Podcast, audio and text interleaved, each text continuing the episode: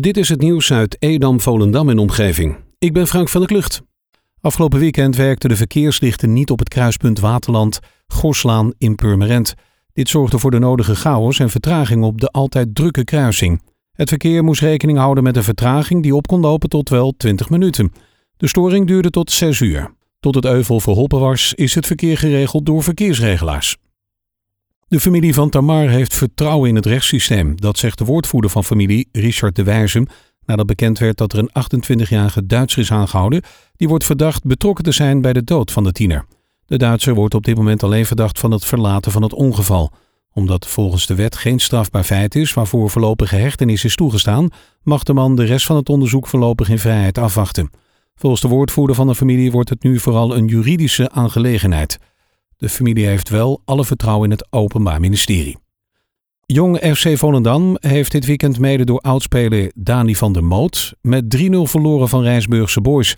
In de 82e minuut stopte Volendammer doelman Joey Roggeveen een penalty van Jeroen Spruit. Na het gelijkspel van Jong FC Volendam tegen Sparta Rotterdam van vorige week neemt de ploeg van trainer Johan Plat nu op de ene laatste plaats in met één punt.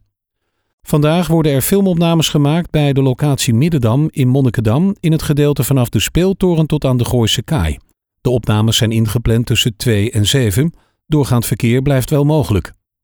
Momenteel worden zo'n 6750 gemeentelijke bomen geïnspecteerd. Dat is de zogenaamde boomveiligheidscontrole. Gedurende circa twee maanden gaan opgeleide en gediplomeerde inspecteurs de bomen beoordelen op veiligheid. Zij letten daarbij onder andere op aanwezige ziekten, aantastingen door schimmels of paddenstoelen, dood hout of andere risico's, waarmee de veiligheid voor de omgeving in het geding is. De gemeente Edam-Volendam is eigenaar en beheerder van zo'n 14.000 bomen. Hiervan wordt jaarlijks een deel geïnspecteerd. Met de aanleg van de derde ontsluitingsweg Edam-Volendam moet nog gestart worden, maar hoe het groen om de weg eruit komt te zien is al bekend. Het groenplan is klaar en de afgelopen week toegelicht aan geïnteresseerde omwonenden. In 2018 is een werkgroep gestart met daarin de omwonenden en de gemeente om samen tot een groenplan te komen. Daarbij was een aantal uitgangspunten leidend voor de invulling van het groen. Komende winter wordt er gestart met het planten van een deel van het groenplan, zodat bomen en struiken al tijdens de aanleg van de weg kunnen groeien. Uitgangspunt is nog steeds dat volgend jaar met de aanleg van de lang verwachte derde ontsluitingsweg begonnen wordt. Het aantal coronabesmettingen in de regio Zaanstreek-Waterland is afgelopen weekend behoorlijk gestegen. Met name op zaterdag in het aantal nieuwe meldingen door de signaalwaarde van 7 besmettingen per 100.000 inwoners heen. De signaalwaarde is voor het Rijksinstituut voor Volksgezondheid en Milieu een soort alarmbel als er opvallend veel mensen ziek worden. Voor Zaanstreek-Waterland kwam het cijfer zaterdag uit op 33 positieve testen in de acht gemeenten in de regio.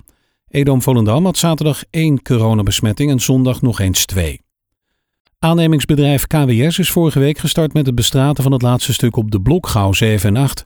De brug tussen de Botter en El Spaanderlaan werd bestraat. Hiermee is het middelste deel van deze woonwijk naast het Siem Lutpark nog voor het weekend gereed gekomen.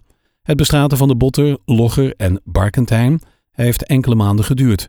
Het is nog niet bekend wanneer gestart wordt met het ophogen, de herinrichting en opnieuw bespraten van de Blokgouw 8 met onder andere de straten Damkoog, Getijdenland en Werengouw. Jan Dulles en zijn vriendin Carolien hebben een tweede kindje mogen verwelkomen. Het meisje heeft de naam Donna gekregen. Hun zoontje James werd in 2018 geboren. Op Facebook laat Jan Dulles weten dat het een voorspoedige bevalling was en moeder en kind het goed maken. Tot zover het nieuws uit Edam, Volendam en omgeving. Meer lokaal nieuws vindt u op de Love Kabelkrant, onze website of in de app.